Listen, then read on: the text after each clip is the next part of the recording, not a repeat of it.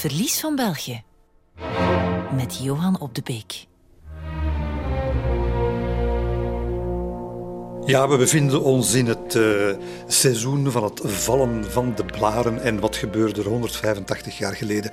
De regering, het bewind, het koninkrijk der Nederlanden valt. Want uh, zoals we gezien hebben in de voorbije afleveringen, uh, Willem I is niet, uh, is niet bestand gebleken tegen de taak, heeft geweldige dingen gedaan op economisch vlak, onderwijs, maar op politiek vlak en met de katholieken en de liberalen, het lukte niet, hij heeft niet kunnen paaien. Het is tot een opstand gekomen in Brussel. Brussel is in handen van het voorlopig bewind. gewapenderhand hebben ze de Nederlanders buiten gekeerd. Ook in andere steden van het land uh, zowel in het noorden als het zuiden. Het breidt zich uit als een olievlek, die uh, revolutie. En dan natuurlijk een dramatisch hoogtepunt. Uh, de troepen van Willem I zullen Antwerpen beschieten en urenlang daar de burgerbevolking, de eigen bevolking, terroriseren met kanonvuur. Dat is het, het, het hoogtepunt, zoals u wil, het laagtepunt van het bewind van Willem I. En nu, precies drie dagen nadat dat bombardement heeft plaatsgevonden. 3 november, zoals gepland, gaan er verkiezingen plaatsvinden. De eerste Belgische verkiezingen voor 200 leden van het eerste parlement, het revolutionaire parlement, het Nationaal congres. Nu, ja, van die verkiezingen moeten we ons natuurlijk niet voorstellen wat we er ons vandaag kunnen bij voorstellen. Dat gaat dus over, hou u vast, eh, een goede 47.000 kiezers. Want er is zijns kiesrecht. Alleen wie boven een bepaalde eh, inkomensdrempel eh, kan leven, ja, die, die mag stemmen. En we hebben het dus over, welgeteld, 1% van de mannelijke bevolking die zal mogen stemmen. En het voorlopige wind is er niet zeker van dat ze, dat ze het wel gaan halen, want ja, die revolutie is toch een, uh, een stuk een elite-revolutie geweest, waar het gewone volk wel het kanonnenvlees had mogen voorleveren, maar, maar dan vervolgens liefst, liefst buitenspel wordt gehouden natuurlijk. Uh, en die verkiezingen gaan ze die wel winnen. Eh, in Vlaanderen misschien wat te veel katholieken. In Gent en Antwerpen misschien wat te veel orangisten, aanhangers van Oranje. Uh, en ze gaan ze manipuleren, die verkiezingen. Er wordt, uh, er wordt toch op het randje van het gesjoemel gewerkt. En het resultaat zal zijn dat het eerste parlement, het Nationaal Congres, wel slechts 35 orangisten en niet meer dan 15 aanhangers van aansluiting bij Frankrijk, wat toch een belangrijk drijfveer was van bijvoorbeeld Jean de Bien, gaan in dat Nationaal Congres zitten. Maar wat nog straffer is, dat is dat de mannen die de revolutie gemaakt hebben, die uh, alles geriskeerd hebben, die in de voorbije jaren de bak zijn ingevlogen, de journalisten, de echte revolutionairen, dat ook zij nauwelijks in dat parlement zitten of erin geraken. Brussel bijvoorbeeld, waar het allemaal begonnen is. Wel, de meeste kiezers gaan daarvoor een aardsconservatief kiezen, Marquise de Trasigny, een man die, die de revolutie en de, onafhankelijkheid, de onafhankelijkheid eigenlijk geen goed hart uh, toedraagt en de klok eigenlijk liever had teruggedraaid naar het ancien regime, zonder problemen in het parlement, in het congres. Uh, maar Van de Weijer, Sylvain van de Weijer, toch een, allez, een monument uit die revolutie, slechts 1422 stemmen. En wat te zeggen van Jean de Bien, ja, het, het, het werkelijke brein 1281 stemmen. Leuven, hetzelfde. De tenoren uh, krijgen het daar niet gemakkelijk.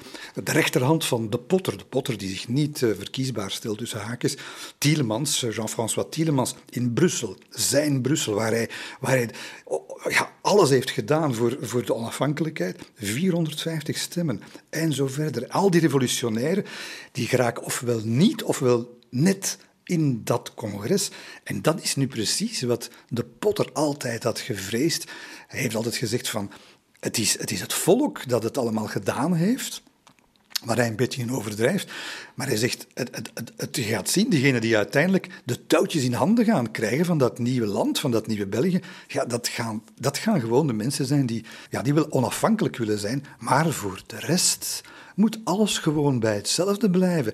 En je ziet dat inderdaad wel wat gebeuren hè, bij de, samenstelling van, uh, van, dat nieuwe, van dat nieuwe congres. En, uh, en de Potter is daar zeer ontgoocheld over. En zijn zwanenzang, zijn, zijn dramatische zwanenzang zal komen op uh, 10 november, wanneer het congres wordt, wordt geopend. En dat is natuurlijk een fantastisch moment. Het eerste Belgisch parlement, overdragen van de macht het, uh, ja, de, revolutionaire comité's, het comité centraal en dergelijke, het is allemaal gedaan. En alles gaat nu naar een officieel orgaan. En dat wordt, uh, dat wordt op, op 10 november wordt dat feestelijk gevierd. Heel Brussel in pracht en praal, de burgerwacht in ere, garde en zo verder. En wie, wie gaat de eerste toespraak houden voor dat Nationaal Congres? Het is de Nestor van het voorlopige bewind, de ziel van de revolutie. Het is Louis de Potter die, uh, die het voor een stuk heeft mogen schrijven. Het, uh, het, uh, het eerste woord van dat congres zal mogen uitspreken. In naam van het Belgische volk opent het voorlopige bewind de Assemblée van de vertegenwoordigers van de natie. En het wordt meteen ook zijn laatste woord. Want vanaf het moment dat hij die openingstoespraak zal geven, zal hij de politiek het congres en eigenlijk de hele, het hele officiële, het nieuwe officiële establishment van België de rug toekeren. De belastingen op slachten en het gemaal zijn afgeschaft. Strafzaken worden voortaan in het openbaar gepleit en behandeld. Er zijn betere garanties voor beschuldigden. De lijfstraf is afgeschaft. Burgemeesters, gemeenteraadsleden en de afgevaardigden van het congres worden rechtstreeks verkozen door een minderheid op basis van zijnsdrempels. De politiediensten werden hervormd, de kunsten zijn van censuur bevrijd, de rekeningen van steden en gemeenten zijn vanaf nu openbaar.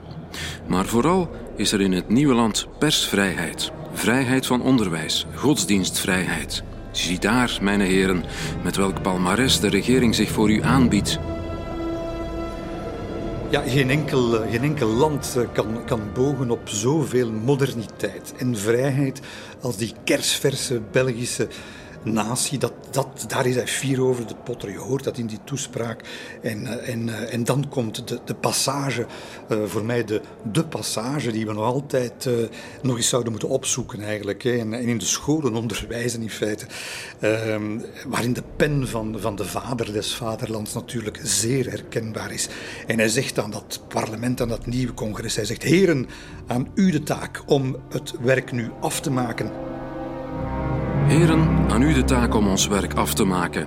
Richt de fundering op van onze toekomstige welvaart op basis van de heilige principes.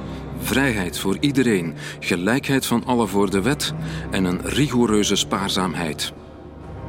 En wat hij hier zegt, het werk afmaken, is natuurlijk nu moet er een grondwet komen. En dat wordt natuurlijk het, het grote werk wat ze nu gaan doen, die, die grondwet. En er moet natuurlijk niet alleen een grondwet komen, maar ook een staatshoofd. Wordt dat staatshoofd zoals de Potter wil, maar niks meer te zeggen heeft, een president? Of wordt dat een koning? En dat wordt, dat wordt nog een gevecht dat kan tellen. Het verlies van België. Met Johan op de Beek. In dat gloednieuwe Belgische politieke establishment wordt werkelijk uh, op het scherp van de snee geleefd. Uh, en er gaan, er gaan echte afrekeningen gebeuren. Uh, en met name natuurlijk rond de Potter, want die, die moet nu weg. En omdat hij nog altijd toch op een, op een serieuze populariteit kan rekenen, hij is toch ja, een beetje de ziel van de revolutie. Wel, ze gaan alles doen om die reus te vellen. Geen kritiek wordt gespaard, uh, wordt helemaal ondergraven, uh, wordt uh, geroddeld over hem, dat hij het allemaal voor zichzelf heeft gedaan, dat hij eigenlijk president, maar eigenlijk die dictator wilde, wilde worden. En het zal op het persoonlijke afgaan. Ze gaan hem, ze gaan hem besmeuren en, en bevlekken langs alle mogelijke kanten. En hij zelf raakt daar heel verbitterd over. Is ook niet het politieke talent om zich daarmee te kunnen meten. En uiteindelijk, ja, hij, hij, uh, hij deemstert helemaal weg. En hij is natuurlijk ook niet aanwezig tijdens de debatten over de staatsvorm die het land moet aannemen, want dat is nog altijd niet beslist. En in de loop van in de winter 1830, 1831 gaan zich in het halfrond van dat nieuwe Belgisch parlement, congres, gaan zich maar werkelijk heroïsche debatten afspelen. De, in mijn ogen Ja, er zijn er niet veel geweest in onze geschiedenis die zo, zo welsprekend zijn gevoerd en vooral zo intellectueel hoogstaand zijn gevoerd, maar welk, werkelijk, het ging over iets. Hè. Het ging over maar de allerhoogste inhoud. En, en wat leren we daaruit? Wel, we zien onmiddellijk dat die grote principes, vrijheid, gelijkheid, dat die door een deel van de, van de verkozenen, groot deel zelfs, uh, al meteen onder, ondergraven worden, gerelativeerd worden. En waarom? Wel, men wil ten allen prijze de vergelijking vermijden met de Franse revolutie, met de Franse grondwetten van de republiek. En daar draait het om. Hè. Uh, het mag in geen geval een republiek worden. Het mag zelfs geen republikeinse monarchie worden. Uh, dat, dat, is, dat is heel duidelijk. En, en men, gaat, men gaat werkelijk het proces maken van, van de republiek. Men gaat de republiek vereenzelvigen met Robespierre, dus met de guillotine, met chaos, met geweld en dergelijke meer. En dat wordt, dat wordt een heroïsch gevecht waarin uiteindelijk ook de, de republikeinen zelf uh, ja, bakzeil halen en het, en het, laten, het laten schieten. En het beste wordt dat nog verwoord door, door een van de afgevaardigden uh, het, bijvoorbeeld Rodenbach, een goede vriend van de Potter, die toch zegt, uh, ja, heren, het is duidelijk, het woord republiek, dat is een begrip waarover we het niet eens worden hier bij de leden van onze vergadering, uh, alleen maar nare herinneringen oproept aan, aan de gruwel van 1793, hè, dus de, de, periode Robespierre. En het is uiteindelijk afgevaardigde Jacques die, die dat bijzonder goed gaat verwoorden. Hè. En hij zegt, als we ons alleen maar met een schitterende utopie hoefden bezig te houden, dan zou ik ervoor zijn. Maar dan komt het volgende. Als we ons alleen maar met een schitterende utopie hoefden bezig te houden. Als we de morele en materiële krachten in België en in het buitenland naar onze wensen zouden kunnen plooien, dan, mijn heren, zou ik zonder aarzelen voor de republiek kiezen. Ik zou me laten vervoeren door de idealen van mijn jeugd. Maar ik ben lid van deze Kamer. Hier moet ik mijn hart het zwijgen opleggen en alleen de reden laten spreken. Mij hoeden voor de schoonheid van de theorie en alleen rekening houden met de harde realiteit van onze tijd. Het zijn, uh, het zijn moedige uitzonderingen die iets anders durven zeggen dan, dan dit. Hè. Dit is uh, abdiceren, dit is zeggen, ja, ik, ik wil het eigenlijk wel, een meer democratische staatsvorm, maar we gaan dat niet halen en ik ga er dus niet voor stemmen. En uh, aan anderen uh, ja, wijzen op de denkfouten in de verkettering van de republiek. Hè. Perron bijvoorbeeld, die zegt... Uh, het is niet de republiek die gezorgd heeft voor die, voor die vreselijke gebeurtenissen van, van, vanuit Frankrijk. Trouwens, wij gaan dat niet meer meemaken. Hè. een republiek zal nooit al die rampen meebrengen die men, die men ons hier voorspelt, omdat de wantoestanden waaruit ze voortspruiten of voortgesproten zijn hier niet bestaan. Hè. Wij zijn allemaal burgers die een republiek gestalte geven. Geen zandkastelen, zoals men hier beweert, maar onverwoestbare fundamenten. En uh, ja, ook die Perron gaat het niet halen, want uiteindelijk gaat men stemmen. En uh, het zal met een overdonderende meerderheid zijn, 186 congresleden van de 200 die op 22 november 1830 voor de monarchie stemmen. Ook de voormalige strijdmakkers van Louis de Potter, Lucien Jotran, Sylvain van de Weijer en Alexandre Jean de Bien, uh, allemaal. En het zijn er maar dertien, dertien die, die stand houden en die voor de instelling van de republiek gaan stemmen. En zo wordt, wordt België een, een monarchie die strijd is verloren voor de republiek. Ja, dat zou je denken we gaan 1831 in en dan gebeurt er van alles. Uh, het land is natuurlijk piepjong. Men, de Hollanders, Willem I, die zit niet stil. De Engelsen zitten niet stil. Uh, de Orangisten in België zitten niet stil. De Republikeinen zitten niet stil. En, en, en alles en iedereen begint door elkaar te vriemelen, begint met elkaar te vechten. En het zal zelfs letterlijk tot gevechten komen. Het komt tot een staatsgreep.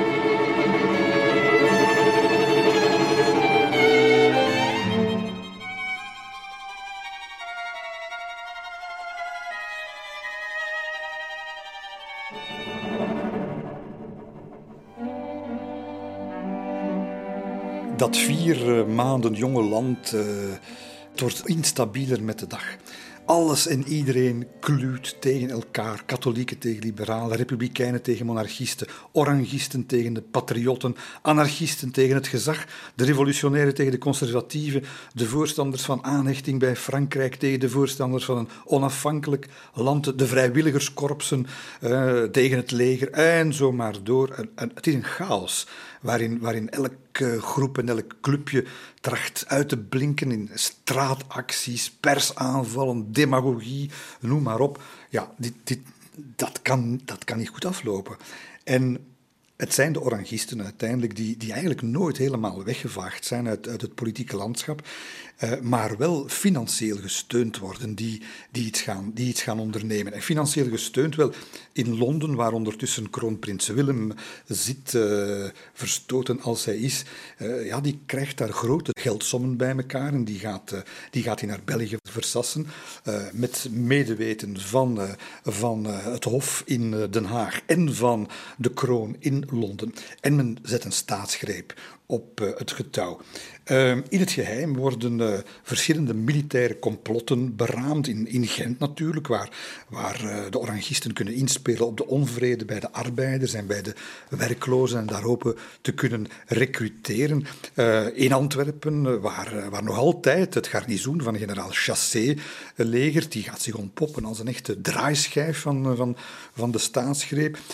in Luik, waar topindustrieel John Cockerill geld en, en organisatietalent ter beschikking stelt. Hij gaat zelfs kanonnen en, en een paar duizend geweren kopen om die op het juiste moment ter beschikking te stellen van huurlingen. Uh, in, in Brussel, waar kolonel Bormans wordt omgekocht om in de, de Brusselse volkscafés mankracht te gaan ronselen. Generaal Dijnen, bevelhebber van het Maasleger, omgekocht. De man heeft gokschulden en we gaan die even voor het oranje karretje spannen. Enfin, daar komt daar een, een cluster van, van mensen bij elkaar die in het geheim één gemeenschappelijk doel nastreven: het Nationaal Congres afzetten, een nieuwe regering vormen en de prins van Oranje tot, ja, tot nieuwe chef, nieuw staatshoofd uitroepen van het land. Een, een, complete terugkeer natuurlijk. En, en men heeft daarvoor, men heeft daar natuurlijk een echte ja, zo'n zo'n kolonelsfiguur voor nodig. Een, uh, een man die het uh, vuile werk kan doen. En, en, en, wie is dat? Ja, men zoekt een beetje. En het wordt, het wordt een Fransman. Het wordt Ernest Grégoire.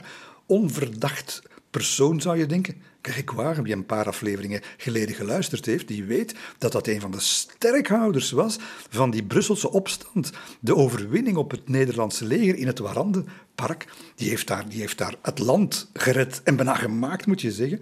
Uh, is een lid geweest van de radicale club, van de Réunion Centrale, uh, die, die op last van de Potter nog een aantal Vlaamse steden met harde hand heeft gedwongen om dat voorlopig bewind te erkennen. Wel nu, Grégoire wordt benaderd door Willem van Oranje en bereid gevonden om de staatsgreep uh, in gang te zetten. En de coup, de coup moet starten in Gent op 2 februari.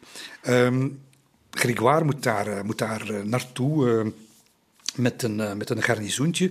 En ja, zoals alles in die tijd chaos en desorganisatie vertoonde, heeft ook die eerste orangistische staatsgreep uh, te lijden gehad aan, aan een gebrek aan kunde. Want uh, Grégoire uh, op 2 februari vertrekt naar Gent, maar heeft slechts de helft van zijn manschappen bij.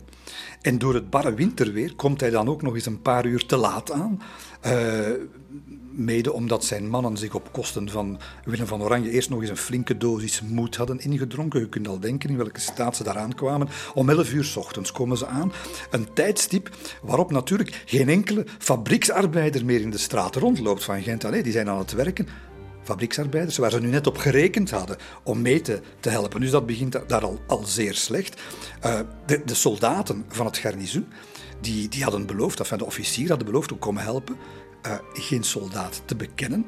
En, ja, ze gaan dan maar Grégoire zijn mannen, zijn, zijn zootje moet je zeggen, die, die gaan dan maar Gent doorkruisen, roepen daar leven de prins van Oranje, delen een beetje geld uit, maar het lost niks op. Strekken dan naar het gouvernementsgebouw, uh, waar, waar de, de, gouverneur ook zegt, ja, ik, heb, ik daar niks mee te maken met wat u aan het doen bent.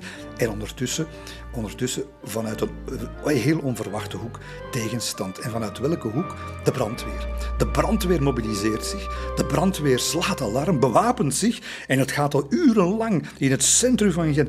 Er vallen tientallen uh, doden en gewonden. Uh, en Grégoire Zidine het is uitzichtloos. Hij, kiest het hazenpad en hij wordt de volgende dag gearresteerd eh, als, een, als een, eh, een complete loser in, uh, in Eeklo. En dat debakkel wordt natuurlijk ook ondertussen bekend aan kolonel Borremans in Brussel, die, die, die van de weer omstuit. Uh, in plaats van naar het regeringsgebouw te, trekken met gewapende troepen om het te bezetten, ja, hij gaat er naartoe. Maar om daar te gaan opbichten dat er een staatsgreep aan de gang is, dat hij daar misschien had aan kunnen meedoen, maar dat toch maar liever niet gaat doen. Enfin, het loopt compleet mis. Staatsgreep, oranghistische staatsgreep, van binnenuit bezworen. Dat hebben ze achter de rug, het uh, voorlopig bewind. Maar, uh, maar nu is het ook de tijd om af te rekenen met de Republikeinen. Want nog altijd ja, loopt de potter in het land rond en hij heeft nog altijd zijn aanhangers. De economische crisis wordt ook erger. Uh, fabrieken, hoogovens, stoommachines liggen stil, draaien half tijd. Dat is natuurlijk een slecht klimaat. Daarin zouden revolutionairen wel eens weer opnieuw aan de bak kunnen komen. Bovendien heb je ook de pers, de pers die nog altijd niet monddood is. Integendeel, uh, in Gent bijvoorbeeld, de, de, vaderlander, die schrijft het volgende. Die, die zegt nog altijd, daar in het Nationaal Congres, men is verkeerd bezig, die vertegenwoordigen het volk. Helemaal niet. Wij, wat wij nodig hebben is geen, geen monarchie en republiek. En, en hoe zegt die Gentse krant dat? Wel, bijzonder duidelijk. Hè? Het presidentschap is niet erfelijk. Een koning heeft honderden middelen om zijn volk te onderdrukken. Een president daarentegen geen één. Hij wordt slechts voor enkele jaren gekozen en wordt dan door het volk al of niet herkozen. Het is altijd het volk het welk hier zo oppergezag behoudt. Het is altijd het volk het welk meester is en aan zijn hoofd stelt deze die het van tevoren heeft leren kennen. Het volk blijft hier rechter en een gehele natie bedriegt zich niet lichtvaardig. Dat is natuurlijk de kern van de zaak. Uh, als je echt naar een gedemocratiseerde samenleving wil, in die tijd zeker, dan doe je dat niet met een koning, dan weet je wat er gaat gebeuren.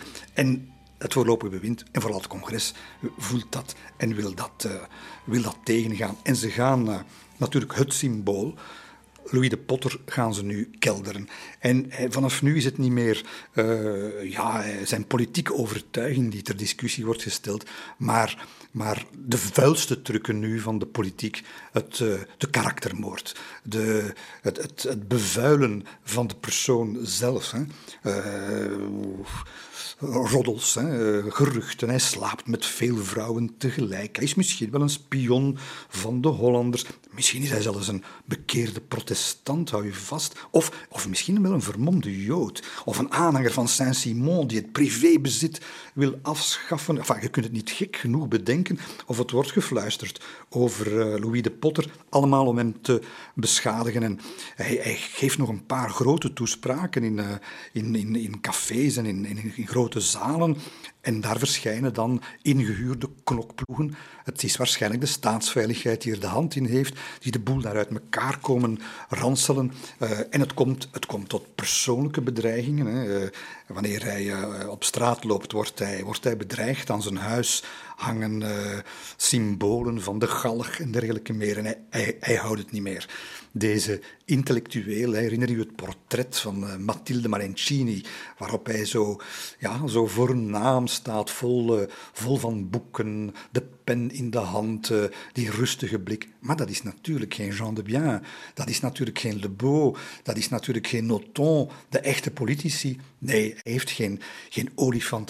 En op 21 februari 1831 gooit Louis de Potter definitief de handdoek in de ring met zijn ondertussen uh, hoogzwangere vrouw en zijn twee kindjes, niet te vergeten, hè, uh, gaat hij weg.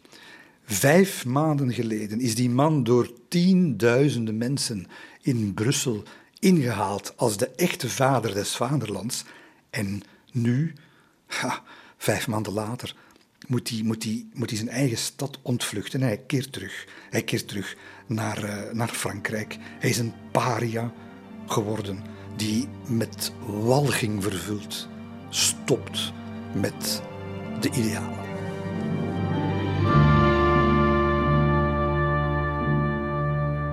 De passie die de Belgische revolutionairen bezielde, zij die echt iets gedaan hebben, was gebaseerd op haat jegens de vreemdelingen, de Hollanders. Met bruut geweld hebben ze gehandeld en met de wetmatige zwaartekracht van een vallende steen werd de troon van Willem verbrijzeld. Maar zodra dat gedaan was, was ook alles gezegd.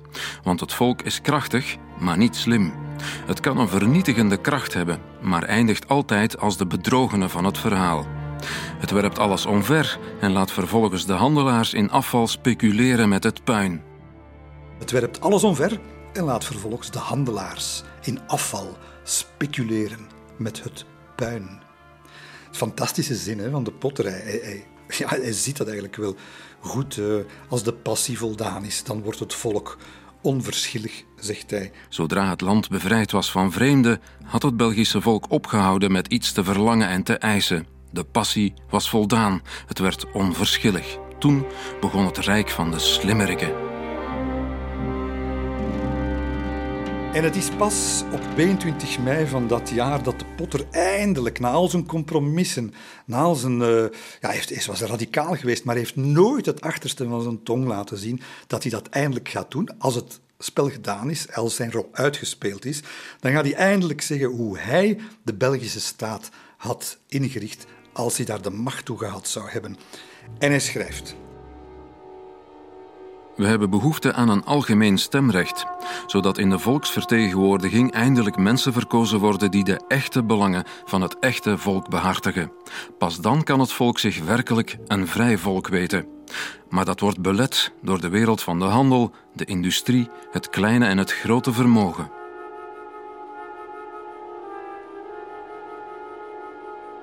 Is natuurlijk een zeer belangrijk document. Hier zegt hij: wij moeten een uh, onafhankelijk land worden, maar ook een democratische republiek.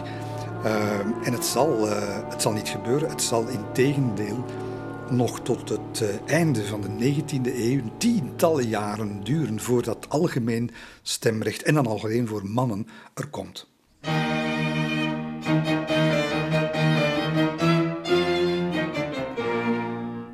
Terwijl de Potter in eh, volledige vergetelheid bijna zijn, eh, zijn idealen nog eens op papier zet, is het natuurlijk eh, in de werkelijkheid van, van het nieuwe België knokken geblazen, vechten om te overleven. Want er komt van orangistische zijde na de mislukte coup van februari op 23 maart een nieuwe poging tot staatsgreep die deze keer wijselijk niet in Gent, maar in Luik zal, eh, zal beginnen.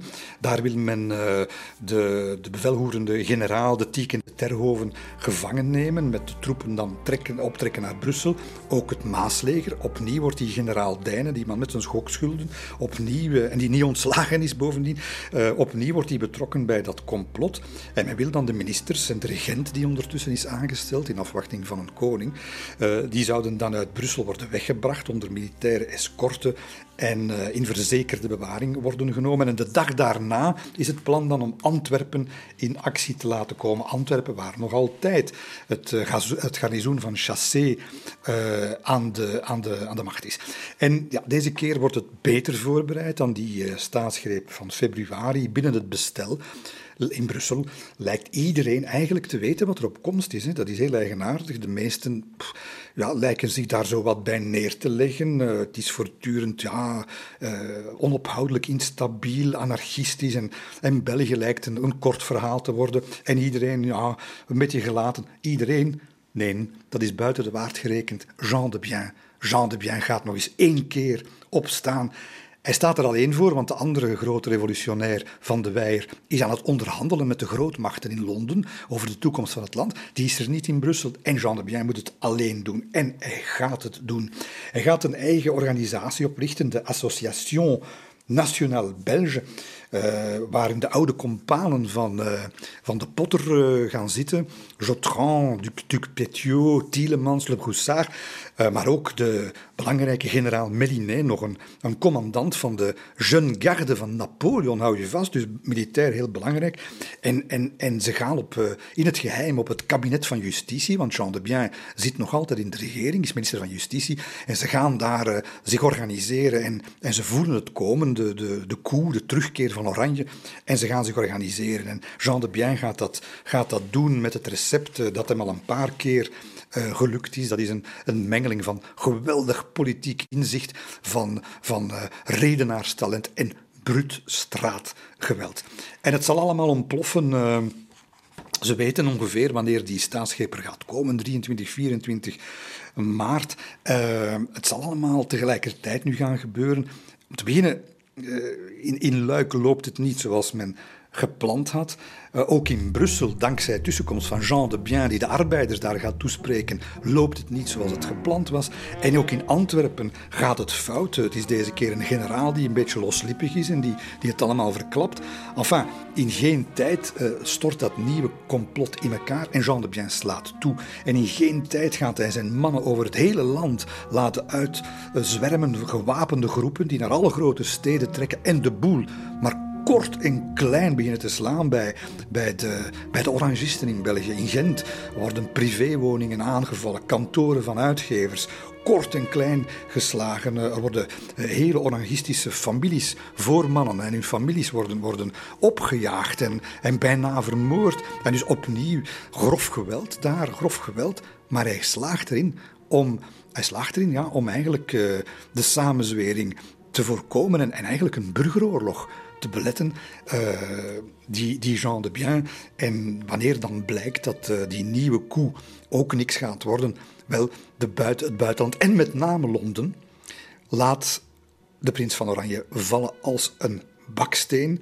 Uh, ook de orangistische beweging in het congres stort helemaal in elkaar, allemaal door toedoen van, van Jean de Bien onder meer. En dan is het moment gekomen waarop Londen voor de allereerste keer zijn kandidaat voor het koningschap van België in beeld schuift. Want tot dan toe was het een beetje van alles. Het kon de zoon van de koning van Frankrijk worden, nog een ver familielid van, van Napoleon en zo van alles. En, en, en plotseling zegt Londen, wij hebben de man.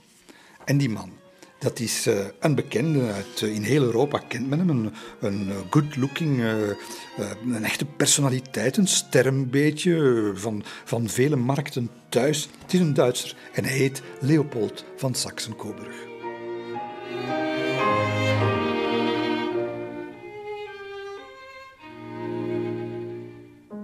De meerderheid in het congres wil die, die Leopold van Saxe-Coburg wel als koning. Uh, vergeet niet, ondertussen is het heibel, constant. Hè. Er is nog altijd het gevaar van de terugkeer van Oranje. Er is het gevaar van de terugkeer van de, de Republikeinen. Dus er moet, er moet absoluut dringend een koning komen. Nu, het probleem is dat die koning zelf niet wil komen.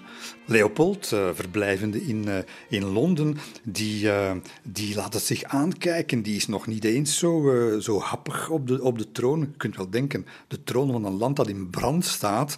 Hij moet dat daar gaan, gaan uitklaren voor rekening van de Engelsen. Bovendien vindt hij, vindt hij het maar, maar niks hoor, de politiek in dat land. Hè. Hij zal later zeggen, ze hebben daar in een koortsaanval een veel te democratische grondwet gecreëerd. Hij was helemaal niet blij daarmee. En dus je krijgt een echte voor de vil die zich gaat afspelen.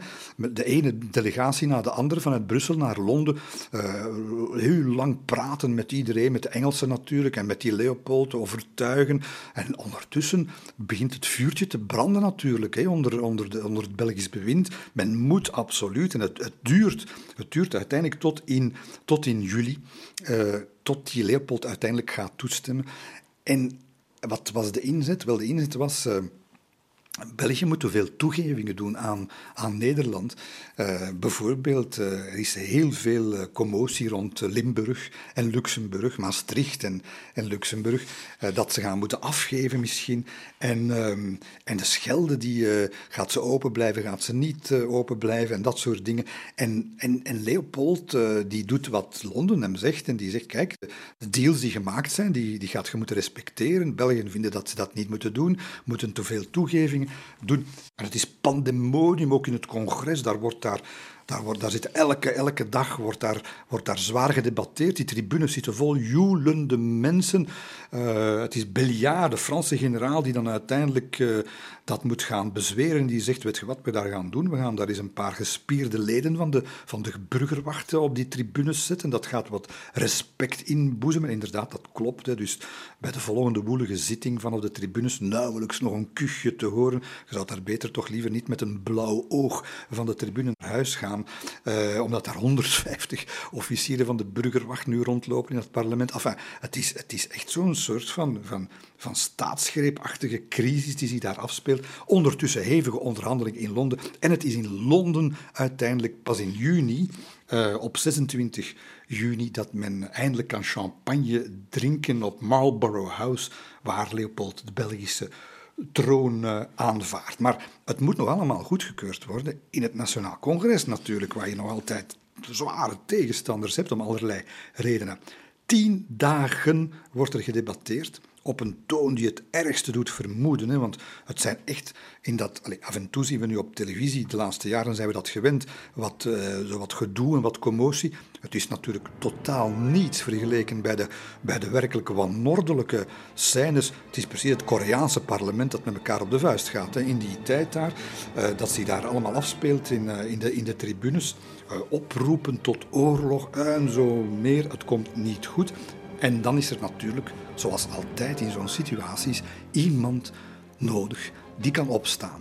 Die boven zichzelf en boven iedereen eh, kan uitstijgen en met, met oratorische krachten tij gaat keren. Iemand met moed, met gezag, met charisma, om die, die losgeslagen arena te temmen. En dat is een uitdaging die besteed is aan een van de grote figuren van 1831. Niet een man die de revolutie gemaakt heeft, maar een man die het land gemaakt heeft. En dat is Joseph Le Beau de, ja, de, de later liberale minister van Buitenlandse Zaken en eigenlijk de feitelijke regeringsleider op dat uh, moment. En hij gaat op 5 juli gaat hij doen. Hè. Hij gaat het spreekgestoelte beklimmen en hij gaat de laatste droefkaart van het bewind uitspelen, want het moet nu gaan gebeuren. Het is erop of eronder. En hij gaat daar met met een ongekende passie. Maar die Le Beau die gaat, daar, die gaat er een van de grote historische toespraken houden die ooit in het Belgische parlement zijn gehoord. Twee uur lang, als een echte kikero, gaat hij de ene climax na de andere opbouwen, alle registers opentrekken en alle emoties bespelen. Met gebiedende gebaren gaat hij zijn betoog begeleiden. Minuut na minuut gaat hij meer en meer respect en gehoor en overtuiging afdwingen bij, uh, bij, bij, bij de zaal, bij, bij de tribunes en bij de congresleden. En hij gaat. Uh, hij, gaat, ja, hij, creëert bereidheid om te luisteren en uh, hij gebruikt dan trucken, hè, maar echt trucken van, letterlijk trucken van de voor. Men is daar gewoon ondertussen dat om de haverklap onderbroken worden van op de tribunes. En hij gaat dat omdraaien. Hij gaat op een bepaald moment, er is niks te horen in die zaal, maar Lebo die roept op een bepaald moment tegen de voorzitter, zeg maar, hoe zit dat? Laat dat hier nu eens stoppen met dat geroep en dat onderbreken. En die, die, die voorzitter helemaal van streek, die, die kan niet anders stamelen. Uh, ja, ik, heb het niet gehoord, maar, maar ik zal onmiddellijk ingrijpen. Ja, dat is bluff van, van Beau, bluffpoker. De bluffpoker van de dierentemmer die de arena moet in zijn handen krijgen. Hè. Een masterclass in listig debatteren, dat is die, die Le en hij redt het. En hij het onder meer. Hij redt het onder meer met een leugentje. Een leugentje om bestwil, want hij zegt uh, aan het congres dat bang is voor Limburg en voor eh, Maastricht en, Luxemburg. En hij zegt, u zult, het land zal geheel Limburg met Maastricht en heel Luxemburg hebben op dat moment. Op dat moment weet Le eigenlijk al dat hij daar iets aan het verkopen is wat hij al niet meer heeft, maar het congres slikt het. Hij heeft zijn trofee binnen. Een staande ovatie uh, wordt, wordt zijn deel. En, en voilà, het, de koor is door de kerk. Uh, en dan is het aan Jean de Bien die daarna moet spreken. Ja, na zo'n na, na, zo'n toespraak, na zo'n succes. Uh, zelfs Jean de Bien kan daar niet tegen op. En het is voor het allerlaatst dat hij daar een grote toespraak houdt. Hij probeert het congres nog met, met, met al zijn kracht naar een oorlog toe te praten. En het enige wat hij oogst is een klein beleefdheidsapplausje van de Republikeinen. En het is zijn, zijn vriend, de Franse generaal Belliard, die de conclusie trekt. Belliard zegt: hij heeft zichzelf tot zinken gebracht. Ja, het resultaat. Op 21 juli 1831 doet Leopold zijn plechtige intrede in Brussel onder een helderblauwe hemel laaiend enthousiasme bij de, bij de talrijke aanwezigen. Kermis in Brussel, dat zal ook geen onaanzienlijke bijdrage geleverd hebben tot de goede stemming en zo meer.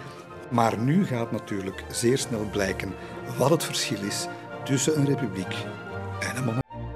Het verlies van België. Met Johan op de Beek.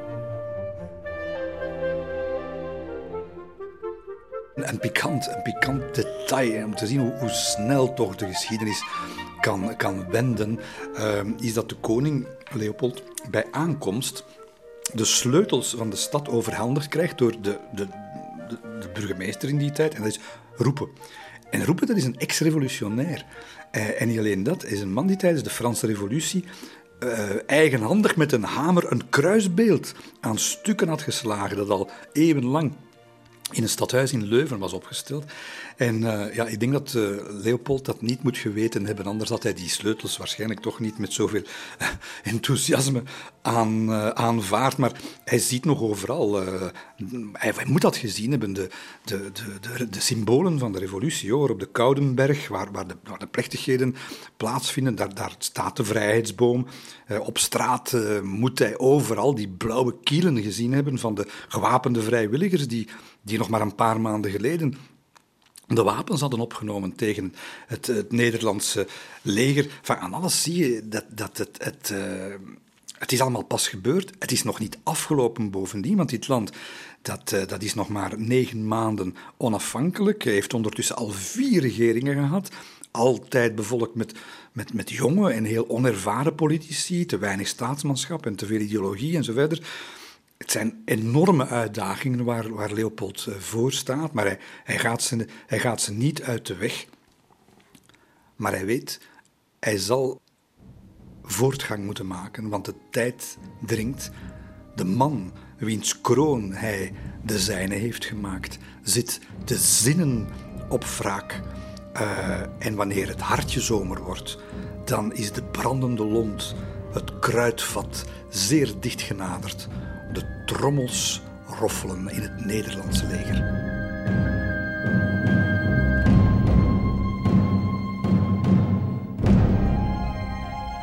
Het is 2 augustus en uh, ja, aan het grensdorpje Postel, uh, ja, het dorpje van niks, hè.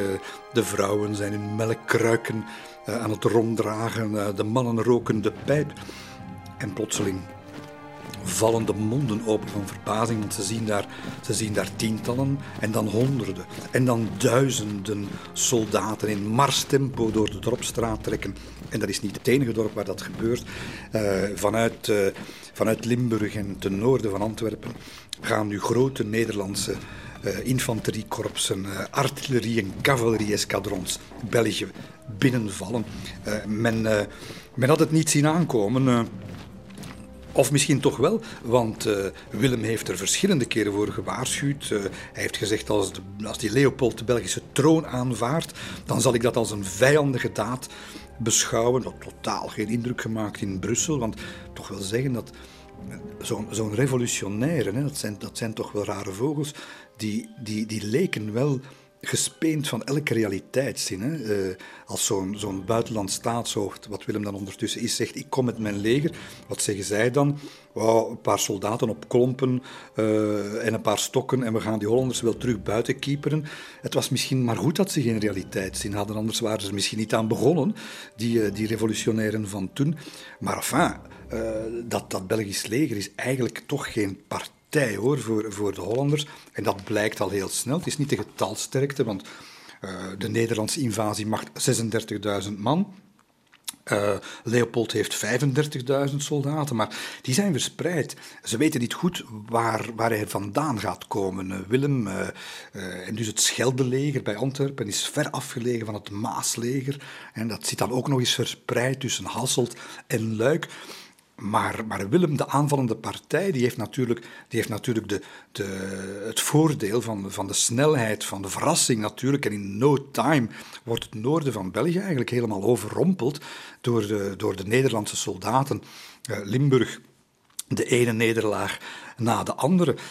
en, en het is bovendien, het rommelt als, als, als nooit tevoren opnieuw tussen het, officiële Belgische leger en de vrijwilligerskorpsen, die nog de echte revolutionairen zijn. De generaals onder elkaar, die, die raken het ook niet eens. En de generaals willen dan bovendien niet luisteren naar een opperbevel, het opperbevel van Leopold. Enfin, een, een, een, een zootje ongeregeld toch wel. En dat maakt natuurlijk dat binnen de kortste keren het daar, eh, het daar groot alarm is langs, langs alle kanten. We weten ook van, van Jean de Bien. Jean de Bien ondertussen uitgerangeerd, uh, maar nog altijd aanwezig. Hij laat zijn land niet in de steek. Hij heeft, hij heeft niks meer te zeggen. Hij is zijn, zijn revolutie, zijn revolutie, kwijt. Maar hij staat wel uh, anders dan die anderen daar in het establishment. Hij staat wel weer in de eerste rangen hoor, want uh, hij dient uh, bij de cavalerie.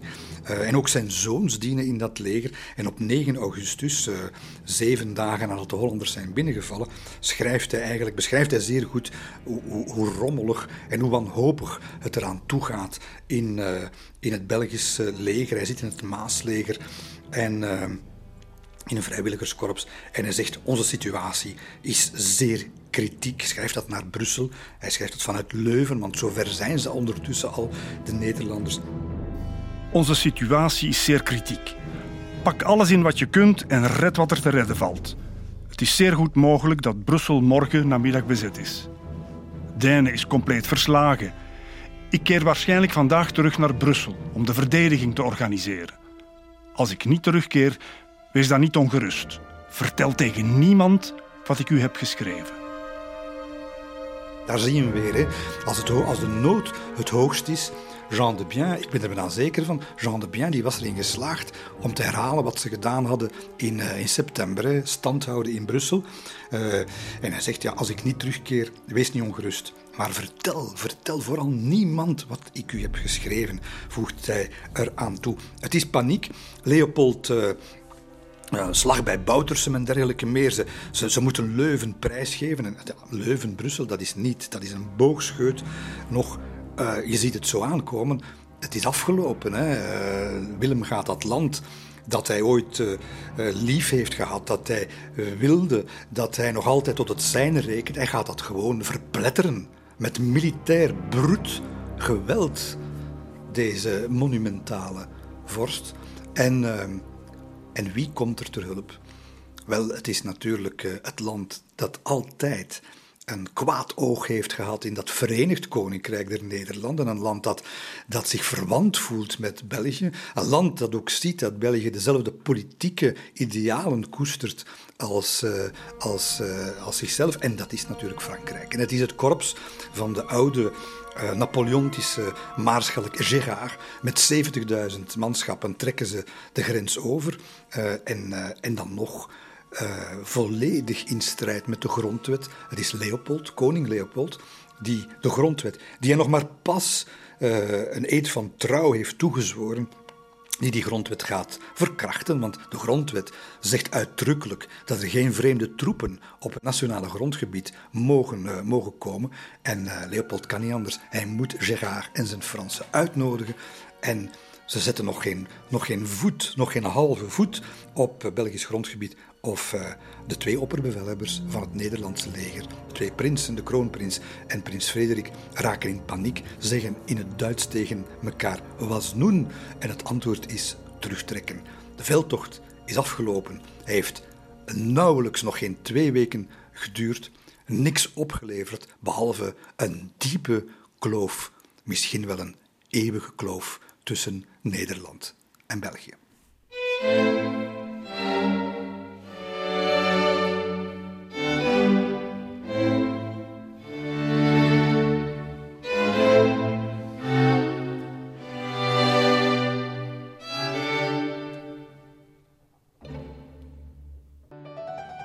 De liberale revolutie die eh, de Belgische revolutie toch is geweest, tot wat heeft die uiteindelijk geleid?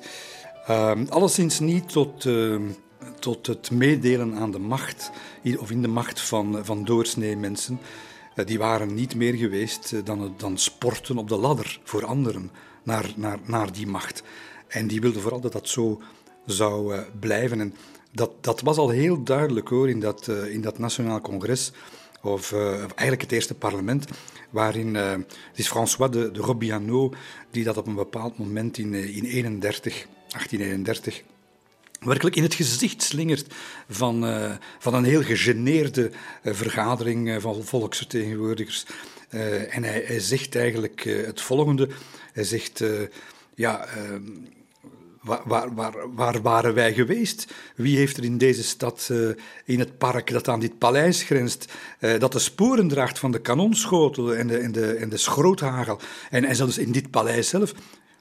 Waar waren wij geweest, zo vraag ik, zonder die mensen? Wie heeft er hier eigenlijk zijn bloed en leven veil gehad. En hij, staart, hij in de zaal naar een, naar een, naar een bende volksvertegenwoordigers die eigenlijk alleen maar een plotse fascinatie voor de, voor de neuzen van hun schoenen uh, hebben. En hij laat niet af, die Robiano. Hij zegt, wie liep op de vijand af zonder krijgsplan en zonder chef?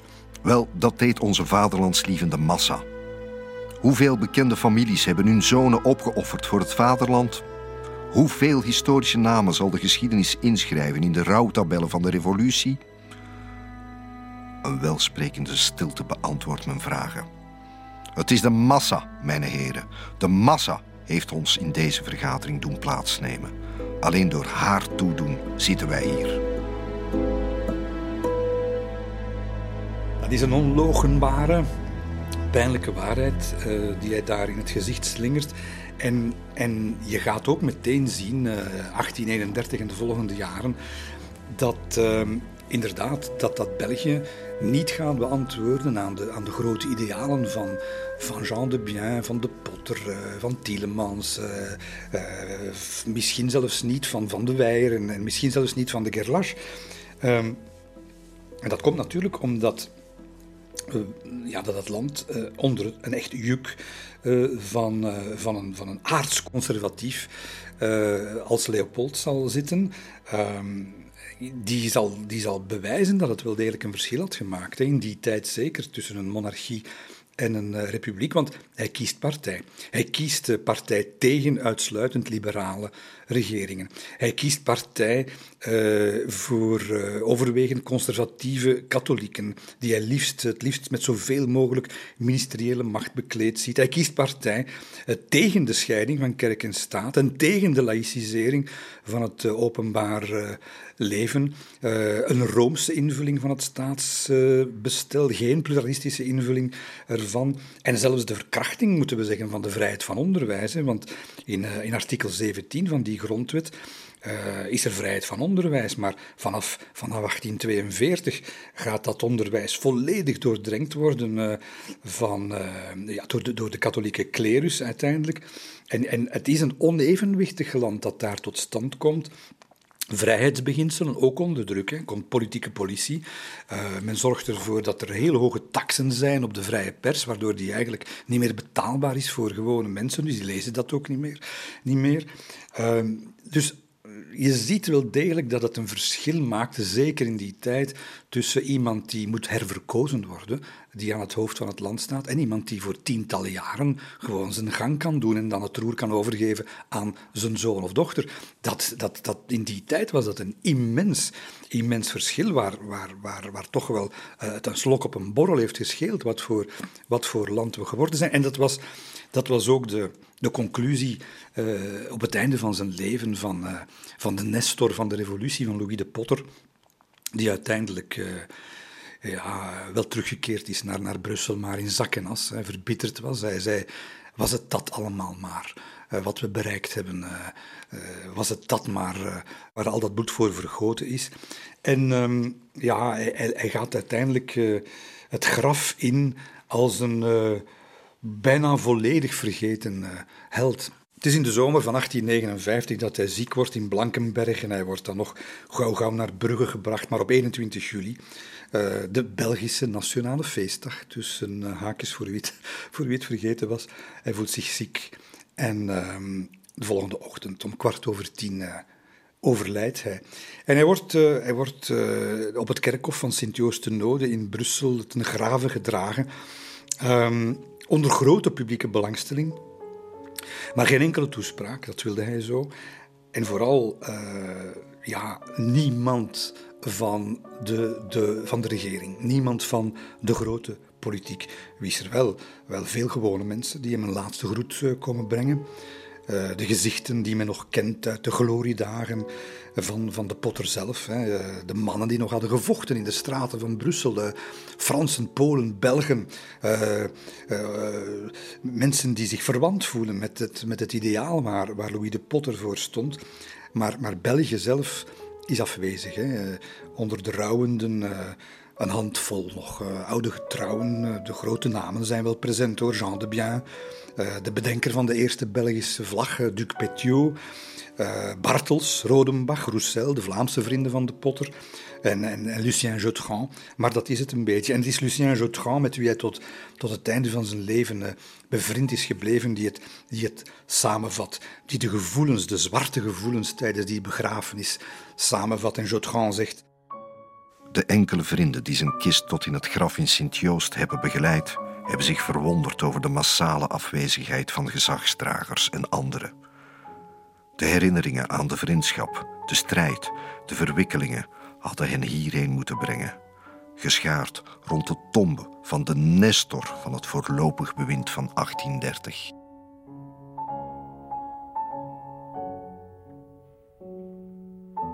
Ja, dat zegt Jotran, maar ze waren er niet. Uh, en op het einde van zijn leven, zijn rol is, is uitgespeeld. Hij vindt, uh, hij vindt dat het allemaal voor niks is geweest. Uh, dat, is dan, dat is dan waar hij zich in vergist heeft. Hè. Het is waar, uh, hij en zijn generatie hebben niet kunnen profiteren van, van dat monument dat ze toch wel hebben achtergelaten, die generatie van de Potter. En dat is natuurlijk de grondwet van 1830. Uh, eh, en je voelt daar toch de geest, de echte geest, de, de, democratische geest van Louis de Potter in. Hij heeft dat nooit bij leven weten tot stand komen. Hij heeft, dat, uh, hij wel het tegendeel eigenlijk menen te ontwaren. Maar de, de geest zat er wel, wel in. Hè. Vandaag zijn wij een, uh, een, een, levensbeschouwelijke, pluralistische, vrije samenleving. Uh, de Potter zoveel jaren geleden, hè, meer dan 180 jaar geleden, die, die schreef toen al wat, wat eigenlijk de geest van de grondwet is. Hè. Hij zei, uh, de andersdenkende uh, mag de ander niet de mond snoeren. De andersdenkende zal hem op zijn beurt ooit de mond snoeren en verdrukken. Telkens wanneer hij zich ertoe verlaagt een mening te onderdrukken in plaats van haar te weerleggen, moet hij beseffen dat zijn eigen opinie ooit ook onderdrukt zal worden. Laat de doctrines ontstaan en zich ontwikkelen zonder obstakels. We dienen slechts de vrijheid te verdedigen als die alleen geldt voor alle burgers, ook van diegenen die een doctrine hebben die volkomen tegengesteld is aan de onze.